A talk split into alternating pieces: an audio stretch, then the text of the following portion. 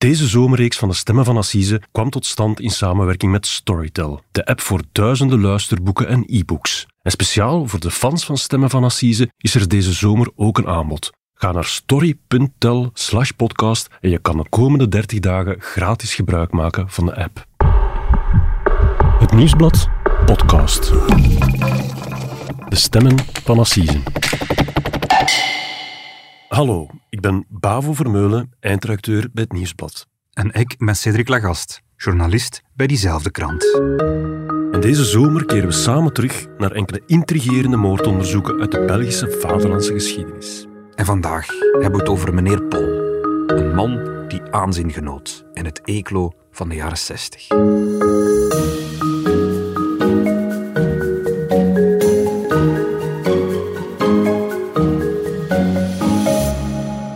Hey Cedric, Dag Bavo. hier zitten we weer in onze podcaststudio. Beetje weg van de drukte van de redactie en een beetje weg van de actualiteit van eh, Stemmen van Assise. Want trouwe luisteraars die weten, in de zomer gaan we met een fijne kam door oude moordzaken. Enfin, jij gaat met een fijne kam eh, door die zaken. Hè. Ondertussen zijn een vaste klant geworden bij de archieven van justitie. En je zoekt uit hoe assiseprocessen vroeger verliepen. En Klopt. voorbije afleveringen hebben we al een mysterieuze executie van een notaris gehad in 1952 en een echt hartverscheurend proces over een dode baby in 1962. Ja.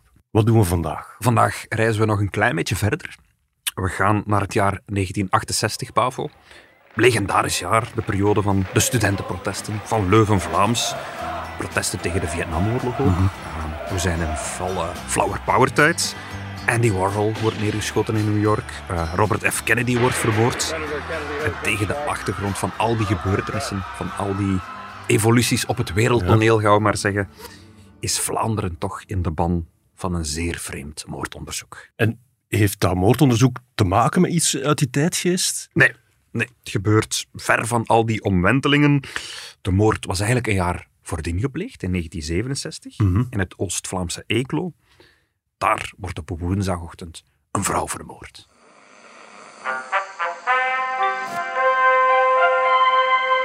De aandacht van de bewoners van het appartementsgebouw Residence Nevada werd woensdagmiddag gevestigd op een ongewoon lawaai.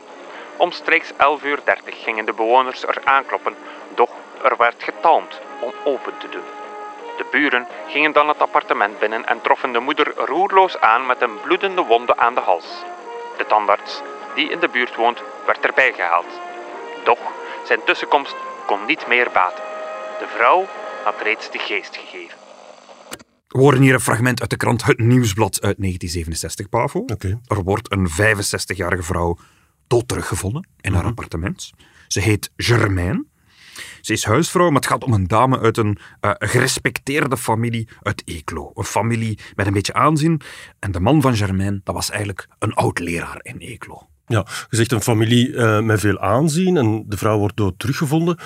Is er een spoor naar de dader? De identiteit van de dader, dat zal in deze zaak eigenlijk niet het grote mysterie blijken te zijn. Maar wel, waarom heeft uitgerekend die man dat in godsnaam gedaan?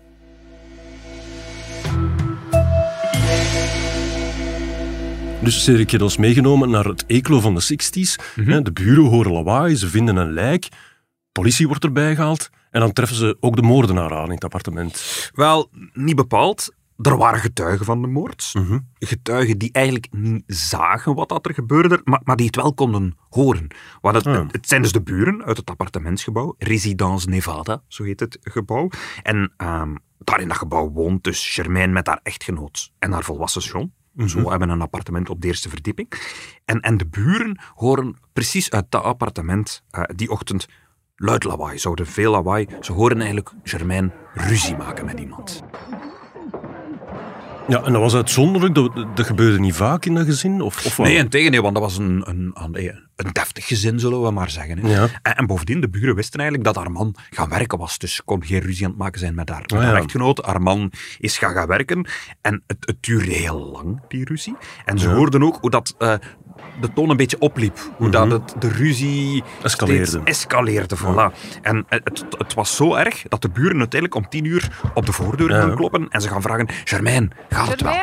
Gaat het? Ze horen dus Germaine wel? roepen en ze horen haar ook zeggen, dat durf je niet doen. En dan plots horen ze haar luid gillen. Een van de vrouwen gaat nog eens kloppen op de deur en, en ze- ze roept... Doe open. Doe toch de deur open. open. En er is een mannenstem die antwoordt... Ja, ja, straks. Ik zit op de wc. Serieus. Ja, dat blijkt een foefje te zijn, Bavo. Ja. De man zit niet echt op de wc, hij is heel andere dingen aan het doen. Eh, maar Bo, de deur gaat niet open. En ja, die buren blijven natuurlijk ook niet voor die deur staan. Ja. En als ze even niet opletten eigenlijk, glipt de man naar buiten. En hij rijdt weg in zijn auto. Ja, maar op, op- uiteindelijk zijn er wel... De buren keren dan terug naar het appartement of... hoe- hoe- Maar ze staan voor een gesloten deur en dus... Een van de buren is taxichauffeur. Ja. Hij springt uit zijn taxi en hij rijdt naar de fabriek waar de echtgenoot van Charmijn werkt. Ze zijn dus nog niet binnengeraakt in het appartement. De deur is dicht. Ja. Ze kunnen niet binnen. Ehm, ik heb daar straks al gezegd dat die man een ex-leraar was. Ja. Van komt het aanzien van de familie ook een beetje. Maar ondertussen werkt hij als bediende in een wolkamerij. Dus die taxichauffeur die gaat de vader halen, vader Gaston. Ze rijden samen terug naar het huis. Thuis opent vader Gaston de voordeur. De buren stromen meer binnen en ze vinden Germain op de grond in een berghok dood vermoord. Dus, Cedric, daarnet heb je iets heel belangrijk gezegd, denk ik, van in dit verhaal is de naam van de moordenaar niet grote mysterie. Nee. Hoe zit dat dan?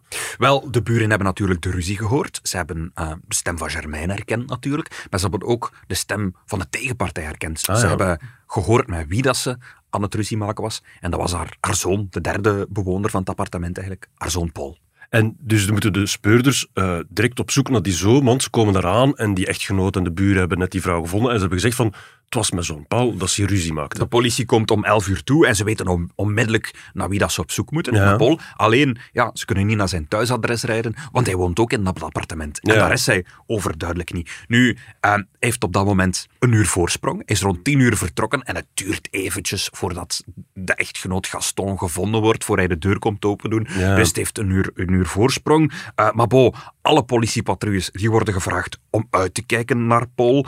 Hij wordt geseind, zijn auto wordt geseind. En uiteindelijk kan de politie hem klemrijden in Eeklo zelf. In Ah, de. Stationstraat. En dat is eigenlijk letterlijk om de hoek van het appartement waar dat de moord gepleegd is. En wil dat dan ook zeggen dat hem gewoon de hele tijd in, in de buurt van de crime scene is blijven hangen? Nee, eh, is drie uur lang spoorloos geweest. En hij is eigenlijk, op die tijd heeft hij een forse afstand afgelegd. Hij is eigenlijk Ja. tot aan de kust gereden. En zelf onderweg is hij gestopt in een bos in Seysselen om zich om te kleden. Want door de moord was er eh, bloed op zijn kleren beland. Dus hij had het verstand van geest om zich om te kleden. Hij is naar de kust gereden. Hij was duidelijk van plan ook om, om te vluchten. Maar uiteindelijk heeft hij dat niet doorgezet. En hij is eigenlijk teruggekeerd. Hij heeft rechtsomkeer gemaakt. Hij is teruggekeerd naar Eeklo om zich aan te geven. Maar dat is toch wel gek, want hij is dan echt bewust bezig met de sporen te wissen, eh, met- weg te rijden, zijn vlucht voor te bereiden. Ja, Waarom draait hij dan terug? Ja, hij had blijkbaar de moed niet om door te zetten. Hij had de moed niet om, om, om weg te vluchten. Hij keert terug naar Reklo en het is echt zijn bedoeling eh, om zich aan te geven. Echt, eh, hij- hij is op zoek naar de politie. Ah ja, en wat zegt hem dan als, als de politie hem, hem dan wat? Hij, hij geeft ook meteen toe dat hij eh, zijn moeder om het leven heeft gebracht. Ja. Hè. Dus eh, de dokters onderzoeken het lichaam. Ze vinden twee steekwonden in haar hals. Ze is ook verstikt met een sjaaltje. En hij geeft dat toe. Hij zegt, ja, ehm, ik heb haar neergestoken met een zakmes. En ik heb daarna een sjaal genomen. Ik heb haar verstikt omdat ze bleef roepen. En ik wou niet meer, haar stem niet meer horen eigenlijk. Ja. Dus eigenlijk, hij geeft toe dat hij de moord gepleegd heeft. Alleen waarom dat hij zijn moeder vermoord heeft, Of waar de ruzie over ging? dat kan niemand begrijpen. Nee.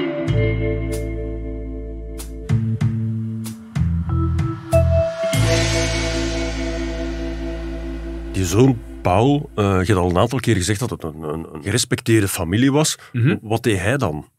Wel, eh, Paul is op, op dat moment 27 jaar. Ja, En het is eigenlijk iemand op wie dat zijn beide ouders trots zijn. ja. Hij heeft gestudeerd, is verloofd en hij staat op het punt om een huis te bouwen. En het is iemand met prestige, want hij had eigenlijk een hoge functie bij het ministerie van Justitie. Ah ja, dus de zoon van de vooraanstaande oud-leraar is een ambtenaar geworden. Ja, en niet zomaar een ambtenaar, maar echt een topambtenaar. Hij was adjunct inspecteur-generaal. Oké. En alle buren wisten dat, want elke ochtend zagen ze hem in zijn eh, nette kostuum het appartement uitwandelen, in zijn dure dienstwagen stappen en naar Brussel rijden. Ja. En ze kennen hem eigenlijk al heel hun leven. Ze kennen hem eigenlijk al vanaf dat uh, hij een klein jongetje was in Eeklo. Ehm, maar toch waren ze hem anders gaan bekijken daardoor. En ze noemen hem meneer Pol. Vroeger was dat gewoon Poltje, die in Eeklo op, opgroeide, de, de zoon van de leraar. Maar nu is het meneer Pol. Zoals je het vertelt, zie ik het echt al helemaal voor mij met zijn dienstwagen en zijn kostuum en dan die uh, indrukwekkende titel adjunct-inspecteur-generaal. Ja. Maar, je hebt daarnet gezegd, hij is nog maar 27 jaar. Dat is echt een, een hele snelle carrière. Hoe is dat dan gegaan? Door hard te studeren en door examens af te leggen is zijn uitleg. Hè. Hij heeft eerst handelswetenschappen gestudeerd in Gent, maar dat bleek toch niet zijn dada, want daarna heeft hij nog een opleiding tot regent gevolgd, Mhm. eigenlijk om leraar te worden, net zoals zijn vader zou je kunnen zeggen. Eh, hij was dus eigenlijk een beetje voorbestemd om in het onderwijs te stappen, maar het is toch de ambtenarij geworden. Ja, en dan bij het ministerie van Justitie. En wat moet ik me daarbij voorstellen? Wat was dat dan? Wel, hij leidt de dienst wederopvoeding, zo wordt dat toen genoemd. Dat is eigenlijk de dienst die zich bezighoudt met de, de toenmalige de verbeteringsgesteten, zoals ze Ja, toen nog heten. Vandaag zijn dat de jeugdinstellingen. We kennen die in Mol, in Neverberg, in Beernem zijn er een aantal jeugdinstellingen. Die bestonden toen ook al, heten verbeteringsgestichten. Hij was eigenlijk begonnen als opvoeder in een van die instellingen, eh, maar hij is heel snel hoger opgeklommen tot dus adjunct-inspecteur-generaal. Maar er zijn 27 jaar, nogmaals, er zijn veel jonge mensen die daarvoor zouden tekenen, hè, voor zo'n snelle carrière en vanuit het niets echt naar de top. Ja, en, en, en gedraagt zich ook echt als een topambtenaar. Ik heb het al verteld, altijd in een duur kostuum. En zijn, hij reed vroeger met een eenvoudige wagen, een Opel eigenlijk. En heeft die ingeruild, want hij heeft een dienstwagen gekregen van het ministerie. Een Mercedes 250 SE. Dat is een, een wagen die op dat moment 300.000 Belgische frank kost. Niet slecht. En met die wagen eh, reed eigenlijk het hele land af om alle jeugdinstellingen te gaan bezoeken. En thuis, op zijn kamer, want hij woont dus nog thuis bij zijn ouders, thuis had hij een grote stafkaart van België aan de muur hangen. En daarop had hij allemaal vlaggetjes geprikt op de plekken waar er jeugdinstellingen waren in ons land. En waar het naartoe moest. En zo kon hij bijhouden ook waar hij al geweest was, waar er problemen waren, eh, waar hij nog bepaalde dingen moest inhouden, enzovoort. Ja, dus het is duidelijk, meneer Paul, die heeft zijn zaakjes voor elkaar. Ja, maar het is ook een job die veel verantwoordelijkheid met zich meebrengt. Want hij moest natuurlijk discreet zijn. Hij moet Ja, heel veel dossiers bestuderen, ook van ja, de probleemjongeren zelf. Hè. En, en zijn, zijn ouders, of zijn vader liever, zal later getuigen, ja, goh... ehm, we zagen heel vaak ehm, dossiers door het huis slingeren. Die bleven dan in de woonkamer liggen. En, en eh, als, als mijn vrouw Vic dan toevallig eens zo'n dossier vastpakken van wat is dat nu, dan reageerde hij altijd als door een wesp gestoken. Want oei oei, dat was discreet, dat was top secret. Dat, Ja, ja. Was, eh, dat was gevoelige informatie. Wij mochten dat niet aankomen. En hij trok dat dan uit onze handen. Ja, dat lijkt op, op beroepsernst, maar Ja. dan is natuurlijk wel zo'n een, een gast, alhoewel het maar 27 jaar is, als je zo'n functie hebt, het is wel vreemd dat hem dan nog thuis woont. Hè? Ja, maar ook daar ging een einde aan komen, want hij was dus verloofd met een meisje uit het dorp, met Marie-Louise, eh, die uiteraard ook heel trots was op haar eh, vooraanstaande verloofde. Ze kenden elkaar al vijf jaar en ze hadden eigenlijk plannen om te trouwen, om Ah, ook ja. een huis te bouwen. Maar ook hier bracht de topjob mijn kanten mee, want het lukte maar niet om te trouwen. Tja, hoezo? Wel, als belangrijke topambtenaar kon hij niet zomaar met het, om het even wie trouwen. Oké. Dat mocht niet. Het ministerie van Justitie moest daar toestemming voor geven. En zijn verloofde en haar ouders, die kregen daar ook brieven over van het ministerie. Van, tja, we hebben gezien dat u wilt wenst te trouwen met een van onze adjunct-inspecteur-generaals. En ze moesten lange documenten invullen. Eh, eigenlijk moesten ze een aanvraag indienen om te mogen trouwen met de adjunct-inspecteur-generaal. En ze hadden dat gedaan. Ze hadden met veel ernst al die documenten ingevuld. Ja.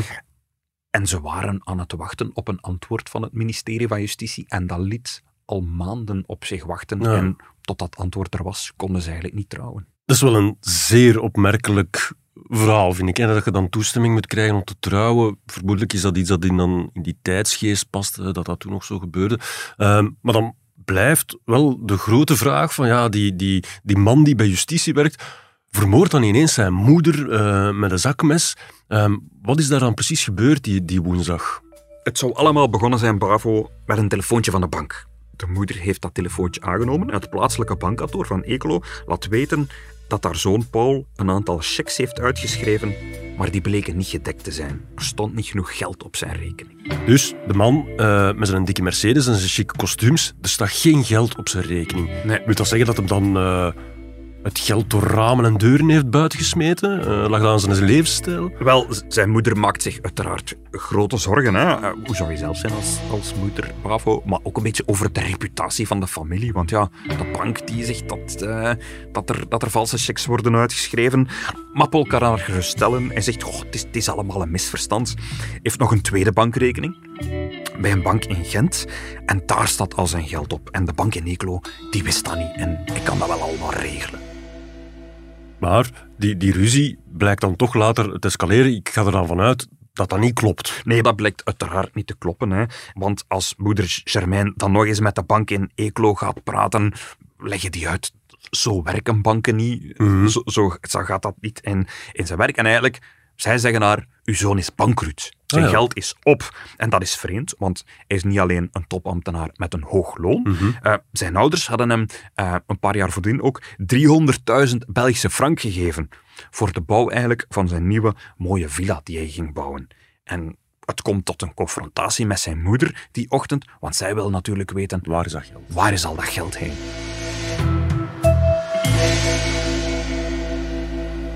Cedric, dan zeggen we de plot thickens. Dus onze topambtenaar die nog thuis komt, is gewoon fight. Ja, en het wordt nog vreemder, Bavo, want uh, de speurders die het onderzoek openen, uh, die bevragen zich uiteraard bij het ministerie van Justitie. Die moeten die ook inlichten van, nou, we hebben een van uw topambtenaars hier opgepakt.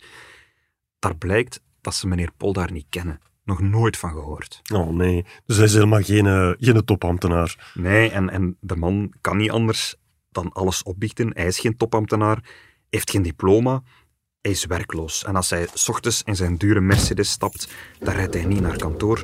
Hij rijdt gewoon doelloos rond. Hij gaat naar de bioscoop, hij, gaat door wat boeken bladeren in een boekenwinkel, hij slentert door de supermarkt.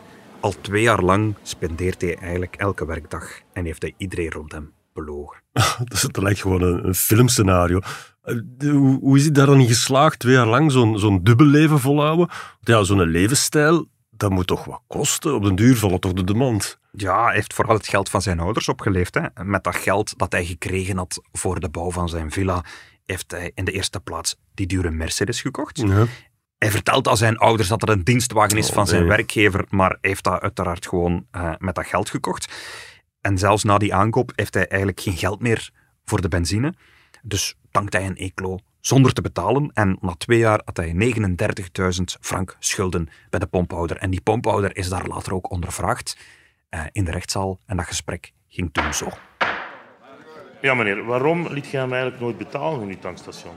Ja, die familie stond heel hoog aangeschreven en dat is ook een belangrijke mensen. Daar vraagt je niet zo makkelijk om een rekening te betalen. Iemand in zo'n situatie die krijgt dan makkelijk iets, uh, iets los. En het is toch in zekere zin een eer om uh, zo iemand in je pompstation te krijgen. Maar dat is geen reden, hè? Hoe hoger iemands positie... Hoe gevaarlijker. Dat heb jij gezegd, niet ik. Ik bedoel het net omgekeerd. Hoe hoger, hoe stipter. Want mensen met een positie die hebben een reputatie te verliezen. En die zijn normaal heel voorzichtig. Geestig fragment, Cedric. Maar eigenlijk ook een beetje een, een tragisch verhaal. Die een man heeft twee jaar lang iedereen betot. En dan opeens komt zijn moeder er dan achter. Door dat telefoontje. Ja, en op die bewuste woensdagochtend waarop dat de moord gepleegd is, heeft hem daarmee geconfronteerd. Eerst probeert hij zijn moeder nog uh, opnieuw gerust te stellen. Hij zegt, ja, ik heb zicht op een, op een goede, dik betaalde job in de privésector, zo vertelt hij, uh, als verkoper bij een Amerikaans bedrijf. En daarmee zal ik wel genoeg geld verdienen uh, om de put te vullen. En hij ja. denkt, daarmee zal ik mijn moeder kunnen sussen. Mhm. Mm -hmm. Maar het omgekeerde gebeurt, want eigenlijk, zijn moeder wil dat niet. Ze wil niet dat hij zijn job bij de staat, bij de overheid opgeeft. Want voor haar, een job bij de staat, dat is zekerheid in het leven. Dat wil ja. ze niet. En je hebt daar juist ook gezegd van, die, die job van die zoon zorgde ook voor de prestige van het gezin. Hè? Voilà, voilà. En, en dus het, het lukt hem niet om zijn moeder opnieuw in zijn verhaal mee te krijgen. Ja. En ja, op dat moment kan hij niet anders dan aan zijn moeder de waarheid op te biechten en zeggen, moeder, er is helemaal geen job bij de staat. Ik heb twee jaar iedereen bedrogen. Dat ja. is wel geen kleine bekentenis. Ik kan me voorstellen dat die moeder helemaal, uh, het helemaal verliest. Ze was razend, zal Paul dus later vertellen. En in die woedende ruzie heeft hij dus eigenlijk zijn moeder doodgestoken.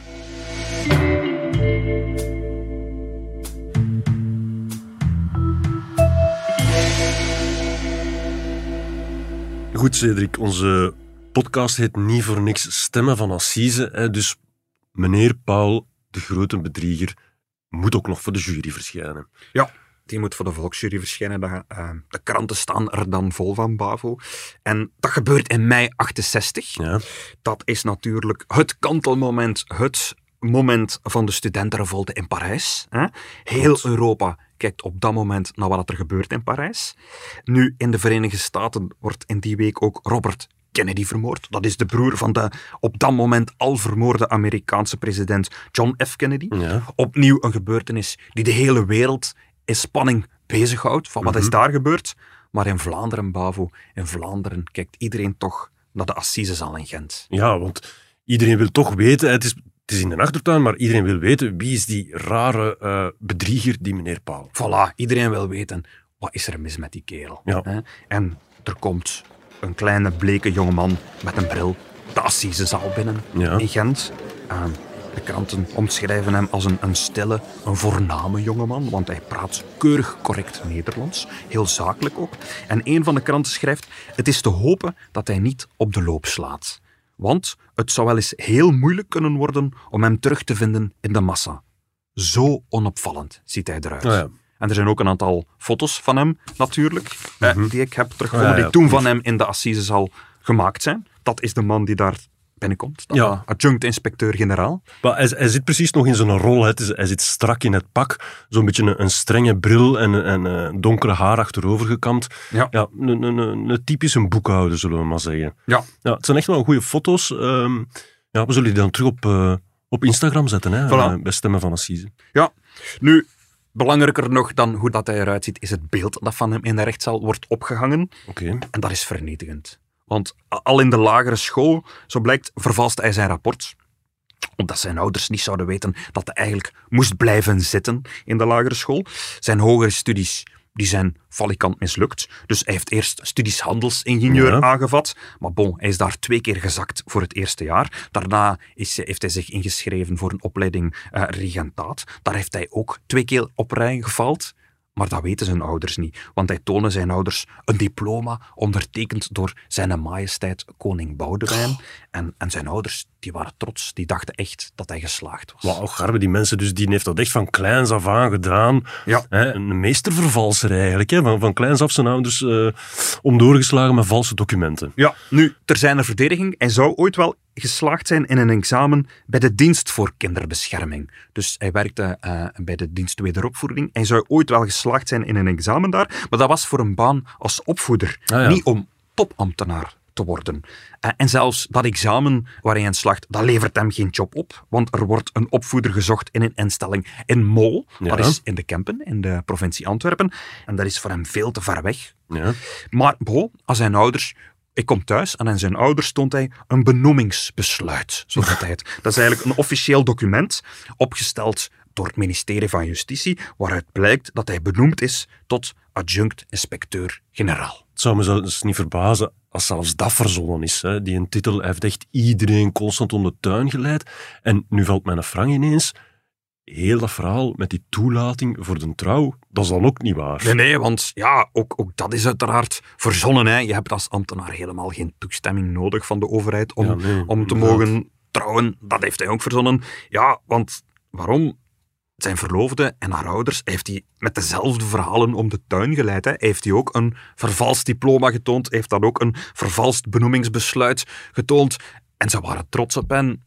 Ja, maar om, om de verkeerde redenen natuurlijk. En dat hij dat huwelijk zo wat, eh, eh, stokken in de wielen steekt, is natuurlijk omdat hij beseft, als het ooit tot een huwelijk komt, tot een trouw, dan gaan mijn leugens, dan ga ik door de mand vallen, dan gaat iedereen weten eh, dat het allemaal niet waar is. Ja, ja, inderdaad. En dan nu, op, op, op dit moment in ons verhaal, zitten we dan voor het Hof van Assise. Zijn Ja. masker is afgevallen en een bedrieger heeft iedereen een beetje gehad, maar hij heeft ook wel zijn moeder eh, vermoord. Ja. Wat brengt hij aan ter verdediging? Wel, hij geeft het allemaal toe. Hij geeft toe dat hij zijn moeder vermoord heeft. Maar, zo zegt hij, dat is eigenlijk de schuld van zijn moeder. Nou, Want ze was dominant, veel te bezorgd, een beetje overbezorgd, controlerend ook. En hij zegt, ja, ik, ik mocht nooit iets leuks doen. Nou, eh, eh, eh, pas op zes jaar gaat hij voor het eerst naar school. Zijn mama heeft hem altijd thuis gehouden. De overbezorgde moeder heeft hem nooit naar de kleuterschool gestuurd. Hij mocht buitenschool nooit met vriendjes spelen. Er mochten nooit vriendjes naar huis komen. Hij mocht ook niet naar de scouts of zo, naar de jeugdbeweging. Hij kreeg geen fiets. Hij mocht zelfs later niet studeren wat hij wilde, want hij wilde eigenlijk psycholoog worden. En zijn moeder zei, nee, nee, ehm, doe maar economie, doe maar handelswetenschappen, daar gaat het beter mee af zijn. Hij, hij vertelt dat, En dat is hij, zijn verdediging dan. ja, hij vertelt dat hij nog nooit alleen een café is binnengewandeld, is nog nooit in een discotheek geweest, zelfs niet met zijn verloofde.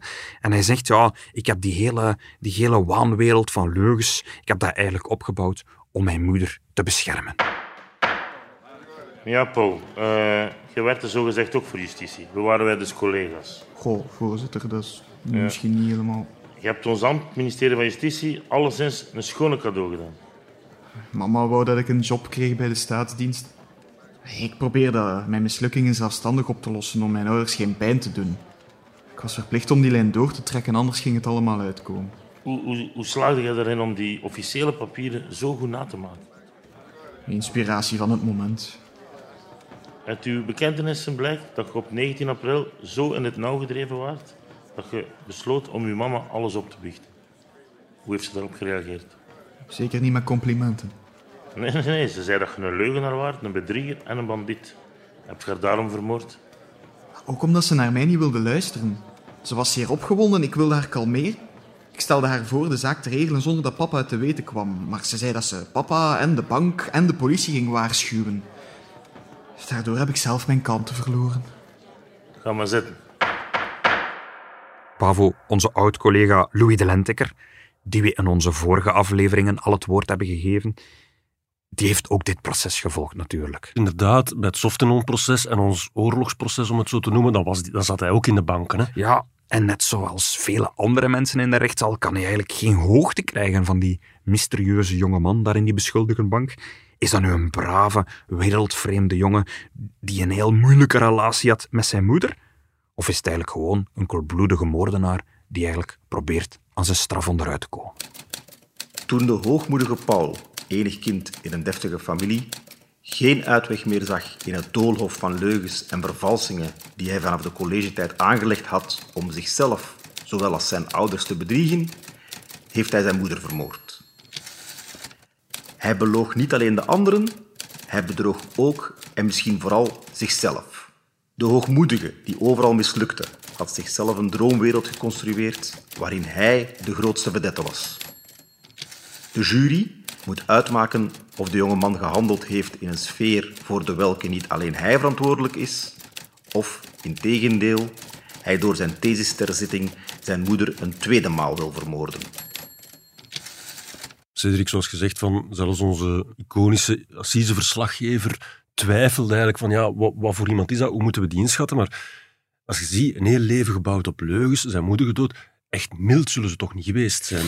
Nee, nee, eh, de openbaar aanklager, advocaat-generaal Steeland, die vraagt in de jury in zijn requisitoir om hem te veroordelen wegens moord. Er bestaat geen afschuwelijker misdaad dan een moedermoord, zo pleit hij. Denk aan de blik van die moeder, die haar zoon moordenaar voor zich weet, haar enig kind dat ze zo liefdevol heeft beschermd.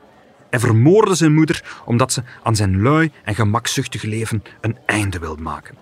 En volgens de aanklager hield zijn moeder hem een spiegel voor. En omdat hem niet beviel wat hij in die spiegel zag, wilde hij die spiegel kapot slaan. Heel gezwollen taal, maar wel een begrijpelijk standpunt. Ja. En dan is de beurt aan de advocaat van meneer Pol.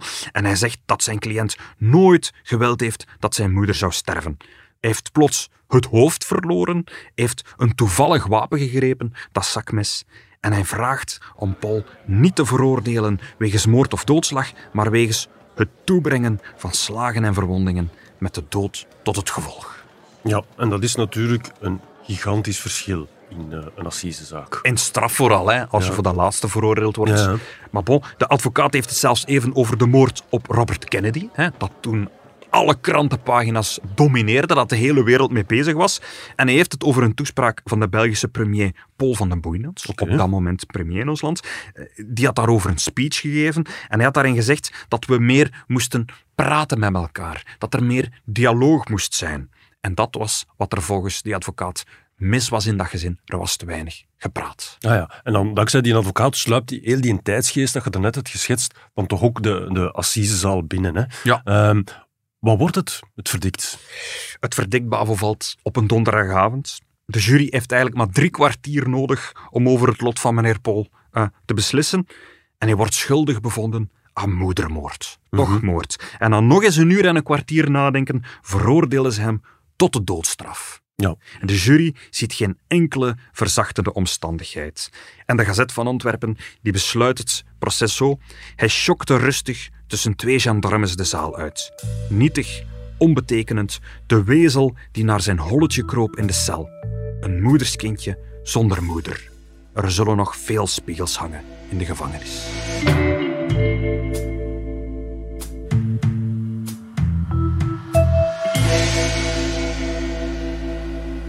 Oké, Cedric, einde van onze derde aflevering. Hè. Ehm, volgende week onze vierde. Ja. Eh, vertel eens, kun, kun je al iets vertellen over wat dat we gaan doen? Wel, we keren een klein beetje terug in de tijd. We gaan naar 1964. Mhm. We gaan naar een klein Waals dorpje. En, en veel meer kan ik op dit moment nog niet vertellen, Bavo. Behalve dat het gaat over het mysterie van Overle. Oké, Cedric, dat klinkt echt wel heel veelbelovend. Eh, we zien elkaar volgende week. Tot volgende week, Bavo. Dit was De Stemmen van Assisen, een podcast van het Nieuwsblad. De stemmen waren deze week van Bavo Vermeulen en van mezelf, Cedric Lagast. De montage gebeurde door Benjamin Hertogs van House of Media. En de productie was in goede handen bij Bert Heijvaart en Joni Keimolen.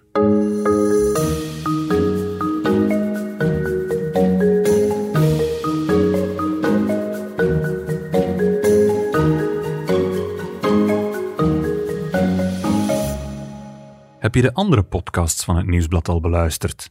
Seks verandert alles, Het Punt van Van Impe, Vrolijke Vrekken, Shotcast en De Koers is van ons.